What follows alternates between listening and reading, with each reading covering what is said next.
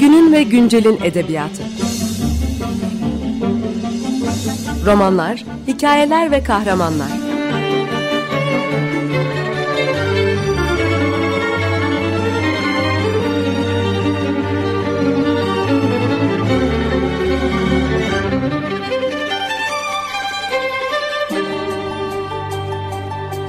Hazırlayan ve sunan Seval Şahin.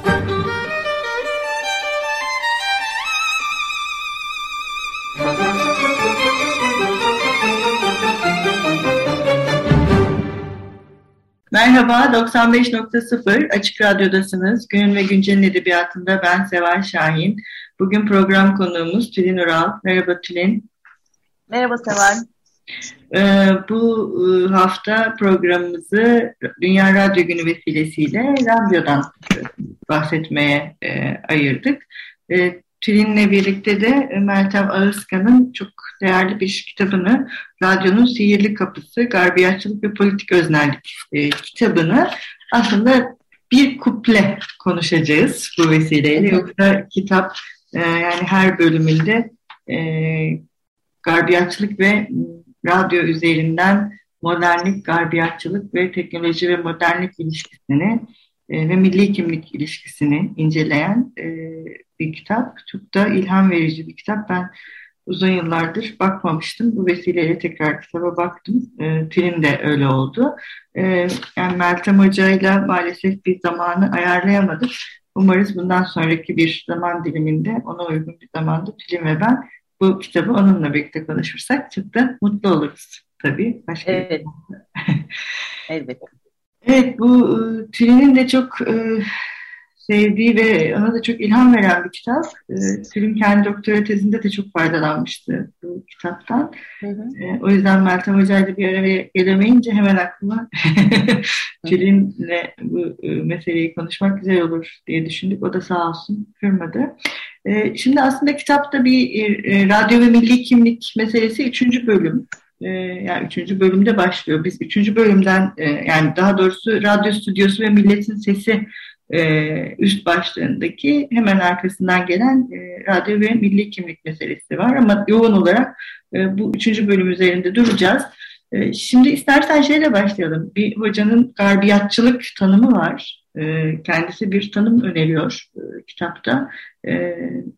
Nedir tanımladığı garbiyatçılık? E, şöyle tanımlıyor e, Meltem Hoca garbiyatçılığı. En genel hatlarıyla diyor, e, tarihsel doğu-batı ayrımı içinde nesneleştirilen ve öteki olarak kurulan şarkiyatçılığın kurduğu e, doğunun batıya verdiği karmaşık tepkilerle oluşturduğu öznellik alanı.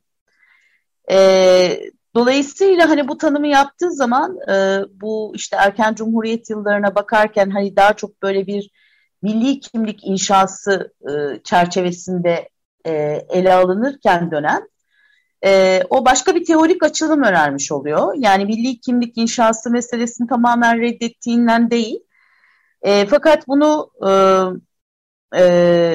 yani böyle bir yönelimim var gene de diyor ama hedefim farklı. Hatta Hani totalde yaklaşımım ona karşıt dahi sayılabilir.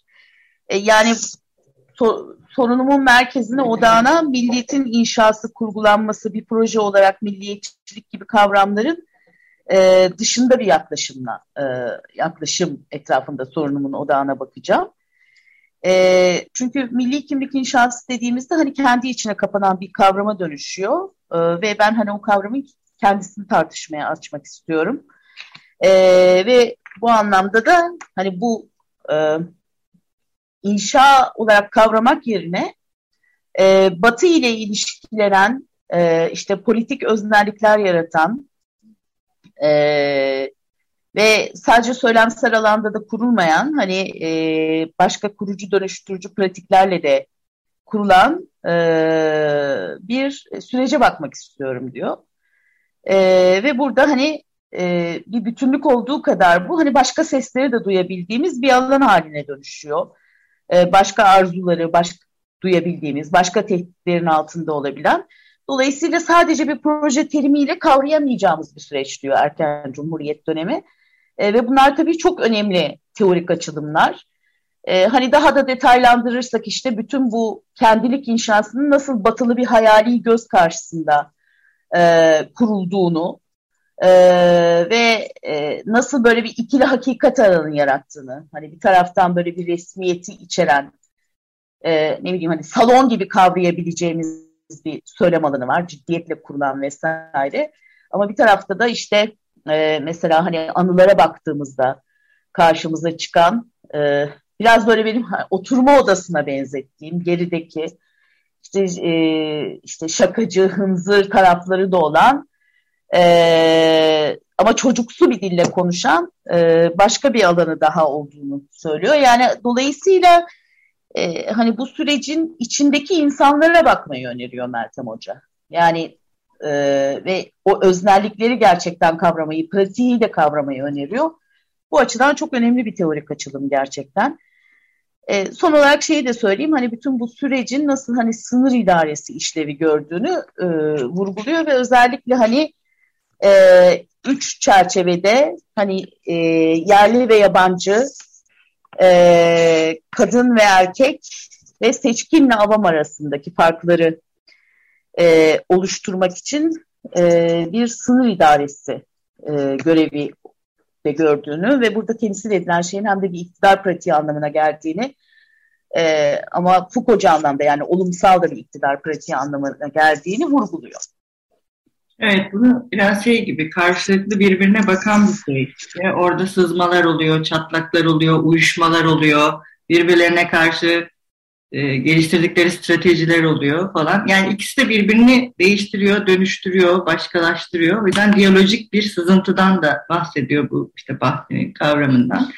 E, ve e, radyo üzerine e, Türkiye'de e, çok fazla zaten e, bir çalışma yapılmadığını, özellikle milli kimlik inşası ve milliyetçilik çalışmaları e, söz konusu olduğunda Türkiye'de radyo üzerinden bir tartışma yapılmadığını, e, yani Uygar Kocabaşoğlu'na çok gönderme yapıyor e, kendisinden önce yapılan. Kendisinin ayrıca yaptığı görüşmeler var. Daha önce işte yani 30'lu ve 40'lı yılları anlatıyor ama e, sonrasında 50'li ve 60'lı yıllar ve sonrasında çalışmış kişilere ancak ulaşabildiği için onlarla görüşmeler de yapmış. Hatta kayıp bir arşiv de ortaya çıkmış bir şema da e, var. E, evet bu... Ve tabii orada çok özür dilerim sözünü kesiyorum. Tabii. Orada arşivin anlamı üzerine de çok e, iyi bir tartışma yürütüyor. Yani e, arşivin yokluğunun anlamı üzerine e, bunun işte biraz evvel hani değinmeye çalıştım. O iki hakikat alanına dair anlamı üzerine e, ve bilgiyle kurulan ilişki. Yani bir bilmeme hali. e, bunun üzerine de çok güzel bir tartışma var. Yani detaylarına girmeyelim ama çok çarpıcı. Evet, evet yok, o çok haklısın. Çok e, etkileyici. Ben, beni de çok etkilemişti gerçekten. Yani BBC arşivinde her şeyin korunmuş ve düzenli olması, BBC radyo arşivinin e, TRT radyo arşivinin ise hep yok edilmiş olması ve bunun böyle çok da doğal karşılanmış olması ama hani tam da bu milliyetçilik ve radyo ilişkisi tartışıldığında bu iki farklı bakış, iki farklı e, arşivciliğin aslında birbirinden çok da uzak olmadığı yani tavır olarak bunların da e, bir yerde e, aynılaştığı yani geçmişle kurdukları ilişki yani birisi geçmişi tarih tarih haline getirip orada saklıyor. Öteki de geçmişi temizleyerek aslında e, bir e, inşaya gidiyor. O da etkileyiciydi. Evet şimdi radyo e, bir ses ve dağılabilen yani bütün ülkeye dağılabilen ve insanları etkileyebilen ve radyo üzerine Türkiye'deki söylemlerde sonraki yaptığı görüşmelerde hep bir eksik, yanlış yapıldığı, bir takım tecrübelerin olmadığı, bu tecrübesizlik üzerine kurulu bir e, söylemin de olduğunu ama kendi çalışmasıyla mesela bunun çok da öyle olmadığı yani 1927'lerden başlayan işte İstanbul ve Ankara Radyosu'nun kurulup 64'te TRT olarak birleştirilmesinde bunu da irdeliyor mesela bu söylemin kendisini de hani o e, inşa meselesinde. E, evet yani senin başında bahsettiğin bu üçüncü bölüm zaten hani e, üç temel mevzu üzerine kurulu. E, bir kere başlangıçta hani e, Ankara ve İstanbul Radyosu'nun hikayesini karşılaştırıyor. Ve hani onların nasıl birbirine karşı konulduğunu, e, karşıt konulduğu üzerinde duruyor. E, ve hani burada işte 1936 ile beraber hani e, radyonun devletleştirilmesi falan hani orada da bir kırılmadan bahsediyor.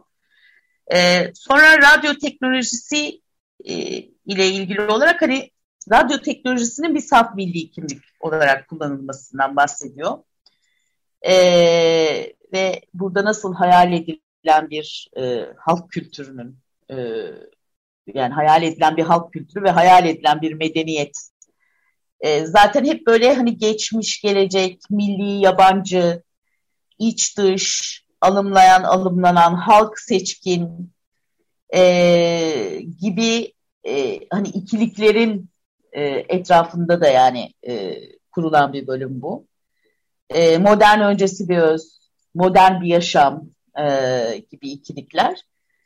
E, ve bu çerçevede de yani bu halk kültürü, hayal edilmiş halk kültürü ve hayal edilmiş batı medeniyeti arasında hani bir dolayım kurma çabası olarak radyo. E, ve burada da Alaturka müzik tartışmasına giriyor. Oraya girmeden hazır müzik demişken biz de bir ara verelim.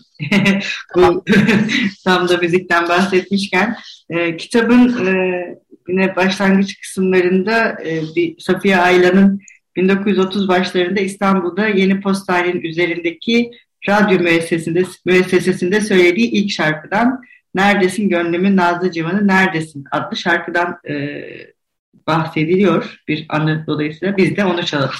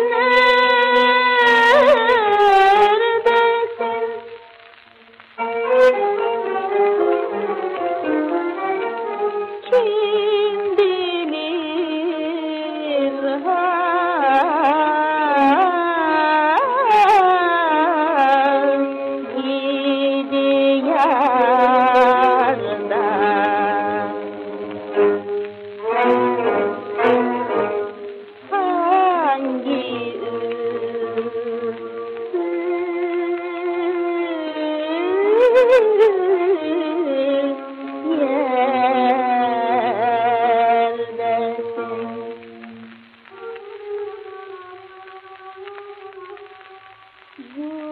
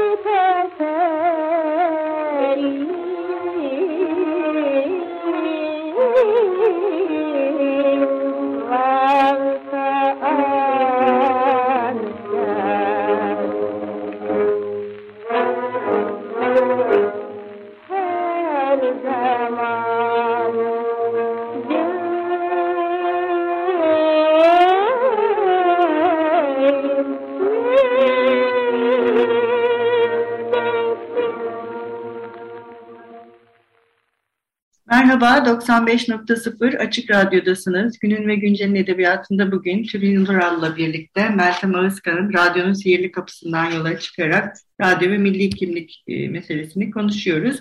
E, programımızın ilk bölümünde e, kitabın temel meselesi olan garbiyatçılık kavramına nasıl yaklaştığından, nasıl tanımladığından ve e, radyoyla e, milli kimlik inşası arasındaki ilişkiden bahsetmiştik ve en son e, radyonun e, işte bu Alatırka müzik bu, bu kısım da çok ilginç gerçekten aslında hani bu yasağın başlaması E, sonrasında da işte iki yıl sürmüş mesela yasak. Evet. Ve, ve şurası da ilginç yani yata, yasak nasıl başladı gibi kadar bu soru üzerine zaten çok durulmuş. Yasak neden iki yılda kalktı gibi bir soru da soruyor. Yani kitap boyunca zaten çok e, nasıl denir yani böyle çarpıcı ve zeki sorularla ilerleyen bir kitap bence. Bu Alaturka e, müzik tartışmasında da karşımıza çıkıyor. E, tabii şey de ilginç yani biraz böyle e, oraya da geliriz ama mesela radyonun nasıl kendi başına bir modernlik simgesi olduğundan söz ediyor.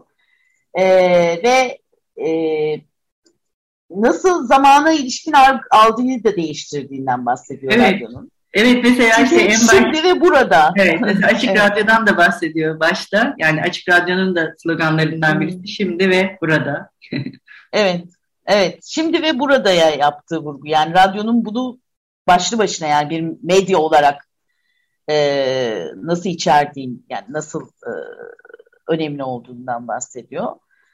E, ve e, burada işte milli kültürü tanımlamak, onun sözleriyle söylemek lazım burası, burayı. Hani Türkiye'de milli kültürü tanımlamak, sürdürmek ve bekçiliğini yapmak görevini üstlenen seçkinlerin e, değişik kaygılarını bir araya getirmek gibi bir işlev üstlendiğinden de söz ediyor radyonun.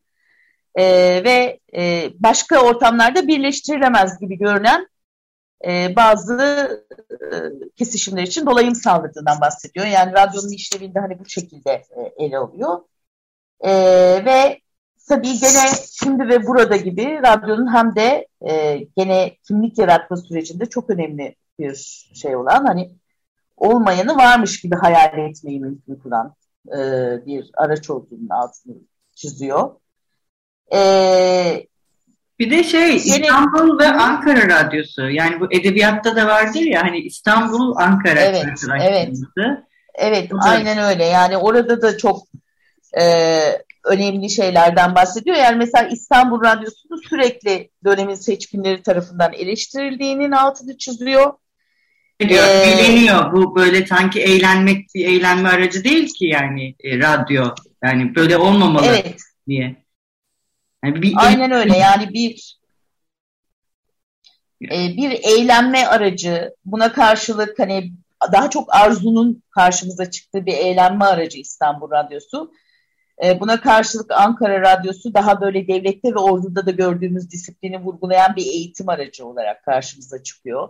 İşte burada tabii hani radyonun kurulmasında farklı ülke modelleri üzerine bir tartışmaya değiniyor. O da ilginç. Ve bu tartışmanın ne kadar dönemde canlı olarak yapıldığını da söylüyor. Mesela hani bu bakışı da benim açımdan çok e, öğretici. Çünkü hani böyle o dönem içinde bir böyle monolitik söylem falan yok aslında. Yani farklı sesler seçkinler arasında da nasıl duyuluyor. Mesela bir yandan işte İstanbul Radyosu hani daha Amerikan, İngiliz tarzı daha burjuva bir şey. Burjuva bir modele daha yakın görülürken Ankara Radyosu e, daha e, işte Sovyet modeline yakın, daha kitlesel kültür, propaganda modeline daha yakın. Dolayısıyla böyle İstanbul Radyosu daha böyle yoz ve yabancı bir şey olarak görülürken Ankara Radyosu ise daha e, milli bir şey olarak görülüyor. Yani e, aynen bu edebiyattaki karşılığı gibi. Yani dediğin çok doğru edebiyatta da. Zaten biraz edebiyatı doğru da hani şey yapıyor. E, yelken açıyor bunlardan bahsederken. Ee, yani galiba şeyden bahsediyordu. Kara Osmanoğlu'nun e, Peyami Safa ve kadro... işte Peyami Safa evet. ve Kadri'nin e, görüşlerinden bahsediyordu. Hatta evet, aynen onlardan bahsediyor. Neydi, arzunun e, şey olması, e, sınırlandırılması ve kontrol evet. altına alınması. Yani radyonun evet. o e, eğlence e, aracı olmaktan çıkması ve sonra Ankara Radyosu'nun zaten o süreçte İstanbul Radyosu bayağı uzun bir süre kapalı kalmış. E, saf sesi yaratmak. İşte o dediğim belirli bir disiplin. E, evet. O disiplin etrafında e, tabii nasıl hitap ettiğin, vurguladığın, e, işte mesela derlemelerden de bahsediyor bu dönemde. Halk türküleri e, kullanılmaya evet. başlıyor ve e, bir de şey 12'li nota sistemiyle bunlar e, kayda geçirilmiş. Dolayısıyla kendilerine has birçok şey ortadan kalkmış. E, ya da işte e, Ermenice, Kürtçe, Rumca, hmm. ne bileyim Lazca olan e, şeyler Türkçeleştirilmiş. Hı Evet. O, bir, bir nevi homojenleşiyor aslında Ankara Radyosu'nda. Evet ve yani Türk e, halk müziği de hani Alaturka müziğe bir alternatif olarak e, öne çıkartılıyor ve e, yani işte milli bir müzik ve orada şu yorumu çok çarpıcı e, işte diyor ki bu hem de hem de seçkinleri milli olanla barıştırmanın e, bir yolu olarak karşımıza çıkıyordu bu müzik. Yani seçkinlere de e, e, e, yani işte saf olan, milli olanı e, göstermenin bir yoluydu. Çünkü işte sonrasında da işte Türk klasik müziğinin ilham alacağı işte o işte Türk beşleri bilmem nedir ilham alacağı ham maddeyi de ortaya çıkarmak gibi artı yani bunun yanı sıra böyle bir işlevi de vardı. Ee, dolayısıyla yani hani işte çok seçkinciydi yukarıdandı falan filan hani tabii bunları reddeden bir yerden konuşmuyor ama e, e, yani bunun dışında alanları da gösteren bir e, yaklaşımı var e, bunun dışında olasılıkları gösteren. Yani şey duyguların terbiyesi mesela o evet. duyguları mesela Tanpınar'da da hep şey vardır hani bir milletin ruh halini en iyi gösteren şey müziktir diye. Doğrudan evet. Hani o saf sesle ruh haline hitap etmenin bir yolu aslında radyoyu. Yani o teknolojik imgeleme e, kullanarak kültürü e, doğrudan etkileyecek bir şeye dönüştürmek. Hani Batı'nın teknolojisiyle Doğu'nun maneviyatı değil, tam da aslında kültürü yaratan şeyi e, müzikle, e, iç, iç içle, özselleş, bir özle e, birleştirmeye çalışma gibi bir şey var sanki ben yani doğru anladıysam. Evet. Yani diyor ki hani bir fikir olmaktan çıkarıp insanları çağırması lazım aynı zamanda milliyetçiliğin, sıradan insanı. Ee, işte bunun e, yani aracı da onların yüreklerine seslenmek ve tam da aslında buradaki e, yani dönemin hani seçkini açısından radyola, radyoda çalışan insanlar açısından hani burası önemli yani evet hani e, milliyetçisin belli bir sınır içindesin sınır idaresi yürütüyorsun ama bir yandan da e, yani o onları çağıracak bir söz üretmen lazım. E, yani dolayısıyla hani bu açıdan da e, yeni bir e, çerçeve açıyor. Evet, duyguya hitap ediyor yani. Bir de şeyden de bahsediyor ya burada hani böyle e, söze yani müziğe dayanan programlar, söze dayanan programlar. Bunların ağırlığını nasıl giderek arttı? Yani ilk başta İstanbul e, radyosu daha öne çıkarken daha böyle müzik önde. E, Ankara radyosu ile beraber yavaş yavaş söze dayanan programların ağırlık kazanması. Ee, ama bu arada haberlerin hep yabancı kalması. Yani çünkü bir ajans yok aslında. Anadolu e, yani Anadolu ajansı var ama o da dışarıdaki ajanslardan alıyor. Ee, ama mesela işte radyo tiyatroları vesaire gibi hani sözlü programların da öne çıkması. Bu da ilginç bir e, yönüydü kitabın. Evet mesela Alaturka musiki yasaklandığında Arap radyolarını dinlemeye başlamış halk ve hani şey diye endişeleniyor işte Peyami Safa'dan bahsediyor. Mesela halkın kulağı şey oldu, bozulacak. Yani Arap radyolarını dinlemekten bu tehlikeli bir şey. Yani bu tehlikeden de uzak kalmak gerekiyor diye. Yine Anadolu Ajansı'nın hep işte yani zaten radyonun kendisi de yabancı bir şey. Yani şey olarak, Hı-hı. teknolojik icat olarak. Yani bu teknolojik icadın yabancı olması ve uzun süre zaten Osmanlı'dan itibaren iletişim teknolojilerinin yabancıların elinde bulunması. Ee, sonra da hep haberlerde yabancılardan bahsedilmesi bir sorun olmuş zaten hep. O bu millileştirme hikayesini de. Evet evet. Yani tam da bu yabancılık mesela bir taraftan da bir cihaz olarak büyü, büyülenme radyodan. Ee, bir fetiş nesnesi gibi algılanması. Ee, şey de çok ilginç mesela şimdi sen söyleyince yani bu Alaturk hani Doğu, Doğu müziğini dinlemek hani yasak üzerine Arap e, kanallarına çevrilmesi radyoların. Ha, bu arada da çok da yaygın değil üstelik radyo yani bunun da altını çiziyor. Yani radyo alıcısı e, çok fazla yok. Olanlar da kentlerde zaten. E, ama orada şey diyor mesela Alaturka müzikle ilgili eleştirileri de çok e, ilginç yani. O dönemde Alaturka müziğe yönelen eleştiriler. E, alkolizme yakalanmış, cinsi hevesleri uyandıran, feryat sesi çıkartan e, gibi yani o dönemin Alaturka müziğe ilişkin eleştirilerini de çok güzel e, sergilemiş kitap. Yani evet kitap hakkında en başta da belirttiğimiz gibi söylenecek çok şey var. Ee, yani bizimkisi çok böyle bir kısacık e, bahsetmek oldu. Ee, bu Dünya Radyo Günü'ne e, bir e, selam göndermek için bu kitaptan. Bizim için de güzel bir vesile oldu bu vesile yani tekrar okumak. Buradan Meltem Hoca'ya selamlarımızı iletelim. evet selamlar. Çok teşekkür Teşekkürler. ederiz. Çok teşekkür ederiz Tülin. Ee, sana da konuğumuz olduğun için. E, nice Dünya Radyo günlerinde buluşmak dileğiyle diyelim. Hoşçakalın. Görüşmek üzere. Hoşçakalın. Ben teşekkür ederim.